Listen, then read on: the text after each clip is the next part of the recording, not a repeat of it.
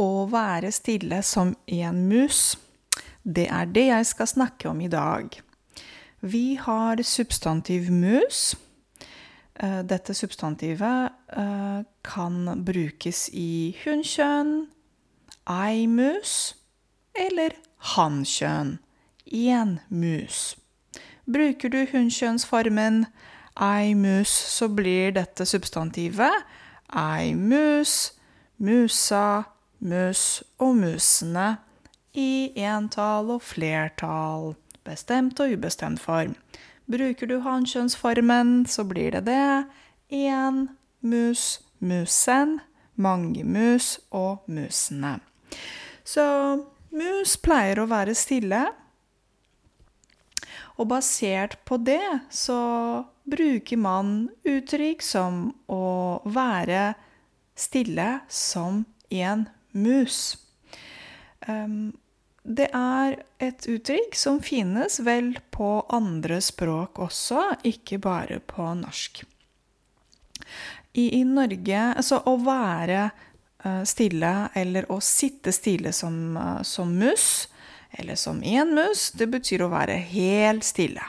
Å sitte helt stille og ikke lage noe bråk. Og ikke være bråkete, tvert imot, og sitte helt stille. Basert på dette så har vi også adverbiale musene. Og musene, det betyr helt stille.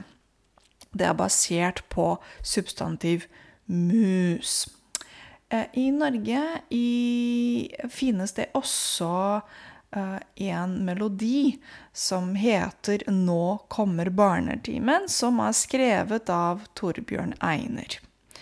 Um, han er kjent i Norge fordi han skriver Han har skrevet, faktisk Han har skrevet flere barnelåter, barnesanger.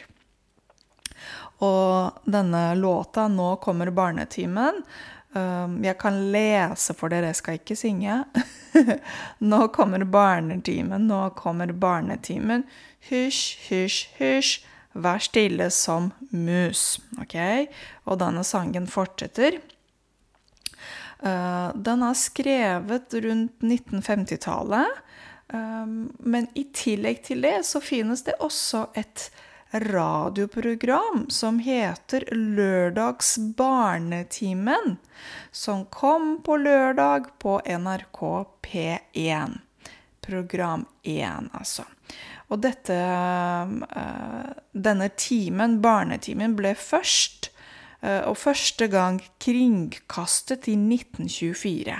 Kringkastet, det betyr sendt på TV, sendt på radio. I dette tilfellet, 1924, da snakker vi om radio. Så det var barneprogram for de eldre, som husker sikkert uh, det. Det var ikke så mye internett og TV den gang, nei.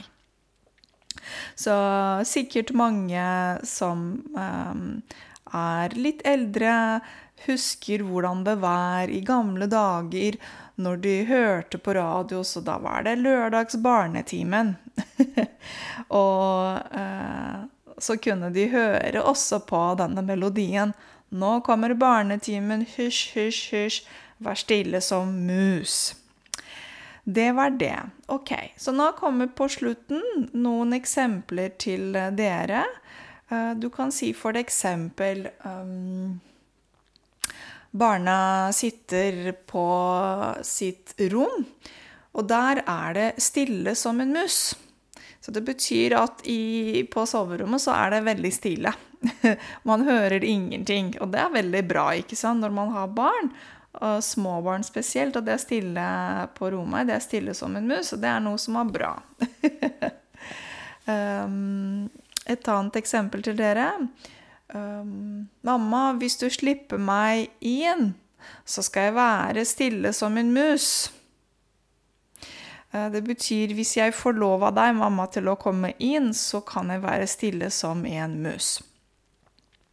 Så jeg, jeg tror dere forstår hva det er. Uh, mange barn bruker uh, Eller ja når man snakker med småbarn, men ikke bare småbarn, brukes eh, dette uttrykket. Jeg ønsker dere en kjempefin dag videre, og så høres vi vel snart igjen. Ha det!